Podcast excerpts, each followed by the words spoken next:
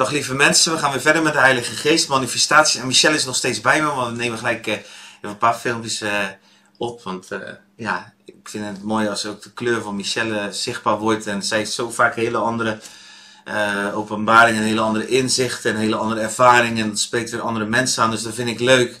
ik geloof heel erg in de veelkleurigheid van het van de liefde, de wijsheid van God, Efeze 3 ook. Hè. En wij geloven heel erg in de vijfvoudige bediening als een model waarin de, uh, wat nodig is om de gemeente toe te rusten. Efeze 4, uh, de vijfvoudige, vijf kleuren, de apostel, de profeet. Nou, zo hebben allemaal onze eigen kleur. Vijfvoudige bediening, daar ga ik ook zeker een keer een filmpje over maken voor jullie. Um, manifestaties van de Heilige Geest, we hebben het gisteren gehad over lachen.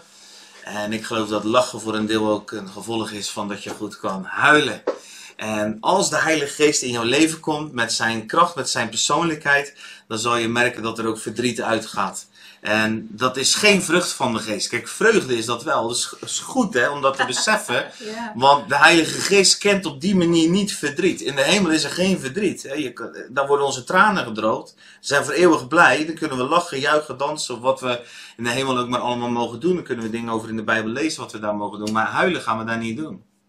En um, dat is, er is een belangrijk onderscheid. Dus dat betekent dat als de Heilige Geest in ons komt, die manifestatie die dan plaatsvindt, is eigenlijk een reactie op dat Hij in ons komt. Dus laat ik het zo zeggen, je, eh, het is alsof je um, iets fantastisch, dus je krijgt heel veel vreugde in je. Ja, dan moet er dus ook verdriet uit. Want er zit nou vaak gewoon eenmaal heel veel verdriet in je leven.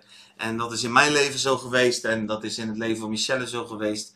En ik heb wel eens vaker in deze filmpjes gezegd, alles wat jou beschadigd heeft, alles wat niet volmaakt is, heeft jou beschadigd, want je bent ooit geschapen voor volmaaktheid. En dat wil ik niet gaan overdrijven, maar ik wil het ook niet bagatelliseren. Ik wou zeggen onderdrijven, maar dat woord, dat woord bestaat denk ik niet in het Nederlands. Leuk bedacht. Oké, we moeten leren huilen. En de Heilige Geest kan je daarbij helpen. Dat is mijn ervaring in mijn leven. En ik denk dat er twee dingen kunnen zijn, of in ieder geval er zijn misschien wel meer, maar er zijn twee dingen waar ik het over wil hebben met jullie, waar je van kan huilen. En dat is enerzijds persoonlijk, als de vreugde van God in je leven komt en hij laat zien waar er soms dingen beschadigd zijn. En soms, en dat is denk ik fase 2, maar dat kan ook door elkaar heen lopen. Soms huil je denk ik ook de tranen van God. Dat klinkt misschien wat raar, maar het verdriet van God, en dat zal ik ook uitleggen. Um, het is grappig, als ik over huilen heb, dan ervaar ik eigenlijk een stuk minder weerstand of een stuk minder um, als, de, als bij lachen. Dat is interessant eigenlijk. Hè? We vinden het misschien wel veel normaler van ja, dat je gaat huilen en huilen en treurig en, en droefheid is vaak veel normaler dan dat je gaat lachen in, in, in een kerk of, of, of in, hè, als gelovige. Of uh, huilen, dat is wel goed. Dat is wel heel mooi als we maar een beetje verdriet hebben af en toe. Hè, maar je zou eigenlijk elkaar moeten beoordelen van, joh, jij lacht niet vaak genoeg. Ben je wel christen? Dus, maar goed, we gaan het over huilen hebben, dus laat ik maar ik daarbij blij. Maar het is wel interessant. Dat ik ervaar dat namelijk. Dat het over huilen veel makkelijker praat als over lachen in de geest. Nou, huilen in de geest bestaat dus niet. Huilen is alleen een effect. De Heilige Geest komt in ons en er moet heel veel uit wat niet van God is. En dat kunnen we onder andere doen door onze tranen te laten vloeien. Um, interessante gedachte trouwens, waarom we dan huilen zo makkelijker vinden. Is misschien gek, hè? Dus, dus eigenlijk, eigenlijk lachen is een emotie die door de vijand natuurlijk helemaal gekaapt is. Met alle holle grappen waar we het net over hadden, of waar het vorige filmpje over hadden. Alle rotzooi in de wereld waarom gelachen wordt. Maar huilen is eigenlijk ook natuurlijk enorm gekaapt door de vijand. Want alle dood en verderf en verdriet en alle tranen, die komen uiteindelijk oorsprong, ze liggen in de vijand. Dus je zou eigenlijk kunnen zeggen dat huilen een vrucht van de vijand is. Maar goed, de Heilige Geest gebruikt dat ten goede om onze geest en onze ziel schoon te maken, zodat er vreugde in kan komen. Dus zonder huilen ga je ook niet de diepte van de vreugde van de Heilige Geest kennen. Het heeft veel met je godsbeeld te maken. Hè? Of, je, of je vindt dat je zomaar kan lachen in de Heilige Geest of kan huilen enzovoort. Maar uh, daar gaan we dan nu verder niet op in. Als de Heilige Geest komt in je leven, dan kan dat gepaard gaan met heel, heel veel tranen. Huilen is belangrijk. De verwerking geeft ook ruimte voor vreugde. Psalm 126 staat zo mooi: wie met tranen zaaien, zullen met gejuich maaien. Dus je kan niet gejuich maaien, kan niet zonder te zaaien juichen en lachen kan niet zonder dat we ook tranen durven te laten. ergens in diezelfde psalm staat ook, dan werd onze mond vervuld met lachen en onze tong met gejuich. Dus door met tranen te zaaien, door je ruimte te geven aan je verdriet, gaat die vreugde ook een enorme plek in je leven krijgen. Nog één mooie tekst. Ook Paulus schrijft aan zijn geestelijke zoon Timotheus, die de leiding heeft over de gemeente in Efeze. Hele grote gemeente. En dan zegt hij, wanneer ik aan uw tranen denk, in 2 Timotheus 1 vers 4, wanneer ik aan uw tranen denk, verlang ik er vurig naar u te zien. En zo grappig, want dan zegt hij, om met blijdschap vervuld te worden. Dus dat de, de tranen ook daar weer zijn eigenlijk een reden om blij te worden. Dat is zo grappig, hè? Zo werkt de hemel. Dus Paulus, die, waarschijnlijk heeft Timotheus iets gedeeld over wat hem heel veel verdriet doet. Dat kan je me zo maar voorstellen als je gemeente leidt. En, en, en Paulus zegt, joh, ik ben jouw geestelijke vader, ik verlang zo naar je te zien, zodat we die tranen om kunnen zetten in blijdschap. Dan lezen we 2 Timotheus 1 vers 4, prachtig. Huilen. Voor sommige mensen is huilen enorm moeilijk. Mannen vinden dat vaak moeilijk, want die hebben geleerd mannen huilen niet. Hè? Dat zit een beetje in onze cultuur ook. Oudere generaties. Doorzetten, doorzetten, doorzetten. Tanden op elkaar, niet huilen, doorbijten. Ehm, ook de muren in je leven die je opbouwt, die blokkeren je traanbuizen. Uh, elke brok in je keel die je wegslikt is een prop in je traanbuizen, denk ik. Uh, omdat je gemaakt bent om je verdriet een plek te geven. We hebben een groot voorbeeld in Jezus. Jezus kon heel goed huilen. En um, ik denk dat hij vaak het verdriet had. Hè? Als we dat, zei ik net even, je hebt je persoonlijke verdriet, maar je hebt ook het verdriet van God over de wereld. Dat kom je bij Jezus ook tegen. Als hij bijvoorbeeld huilt over de stad Jeruzalem in Lucas 19, vers 41, dan staat er toen hij dichtbij kwam en de stad zag, dat gaat over Jeruzalem, weende hij over haar en dan gaat hij daarover profiteren. En dan heeft hij dus verdriet omdat hij ziet dat die stad niet tot zijn bestemming is gekomen, doordat de mensen in die stad de wil van God niet volbrengen. Ergens anders kan je ook lezen dat Jezus moest huilen. Dat is de korte, kortste tekst van de Bijbel. Jezus weende, staat er in Johannes 11, vers 35. Daar huilt hij zelfs om Lazarus, terwijl hij weet dat hij hem over een paar minuten gaat opwekken. Dat is bijzonder ook. Hè? Dus Jezus geeft gewoon ruimte aan zijn verdriet, om ook ruimte te kunnen geven aan die vreugde. Michelle heeft mij geleerd om te huilen. Telkens weer opnieuw. Oh ja, is dat zo? Ja, maar jij bent eerst op delen, vertel. Nee hoor. Eh, nee. Ja, ik denk het wel. Ik, ik, um, toen wij de Heilige Geest leren kennen, ik kon niet zo goed huilen. Ik weet nog wel dat mijn vrouw wel eens haar eigen tranen zo deed, zo van haar ogen. En deze ze aan mijn oog, dat doet ze nog wel eens. Ja hoor. En dan zegt ze, ik zet huilen over je vrij. Halleluja. en omdat ze de kracht heeft leren kennen ook van, uh, van huilen. En um, ja, misschien, vertel, vertel. Kan je er iets over delen? Hoe... Uh, jij zei tegen mij ook vaak, elke traan die je laat, is meer ruimte voor de Heilige Geest. En mij motiveerde dat enorm. Ja, elke traan die je laat, die maakt je mooi. En, hij, het, elke traan die je, die je vrijlaat, maakt je schoner, maakt je uh, heler. Het maakt dat je dichter bij, uh, bij hem mag ervaren. Um, als uh, er blokkades zijn van pijn van, uh, vanuit je verleden, uh, pijn, pijn in het heden, pijn, pijn wat je, um, ja, waar je overheen probeert te leven met, met alle dingen in de wereld. Met, door nog harder te werken inderdaad, door, door je bezig te houden met je kinderen, met, met, het, met al je bezigheden kun je heel uh, poos alles verbloemen. Maar um, Gods geest, als Gods geest over je komt en hij wil jou uh, in jouw geest, ziel lichaam aanraken en gezonder maken, dan is er niks zo heerlijk als te huilen. En um, ik geloof dat, ja, zoals we net al hebben gehad, over hebben gehad, dat de leugenaar is, is erop uit om jou heel veel te isoleren van God. Dus op het moment dat je niet kan huilen, uh, durf ik te zeggen dat je eigenlijk uh, uh, een grote distance, een grote ja. ruimte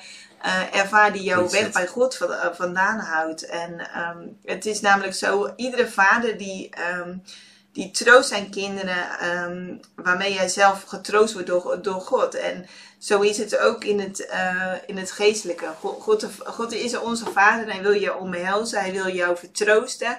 En daarvoor uh, mag je volledig um, tot rust komen aan zijn borst, aan zijn uh, vaderhart. En op het moment dat ik tranen huil, uh, mag, je, mag je daar overheen stappen over een bepaalde belemmering, bepaalde schaamte of schuld of bepaalde uh, ding wat je uh, geleerd hebt in, in je verleden.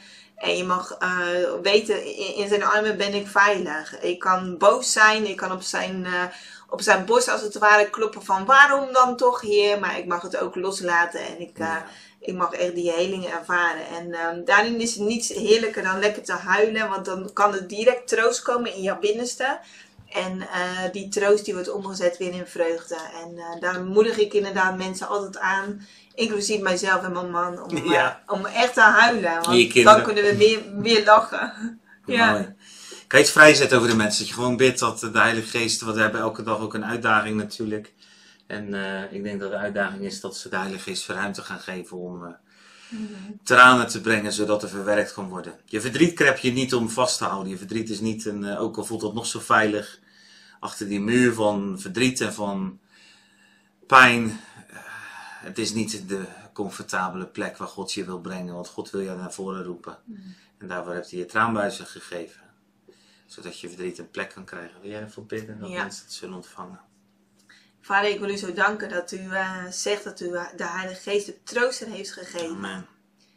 dat u Jezus Christus heen moet gaan, moest gaan, zodat de trooster op alle vlees kon komen. ja. Vader, ik dank u dat uw trooster niet afhankelijk is van eh, in welke staat dat wij nu verkeren.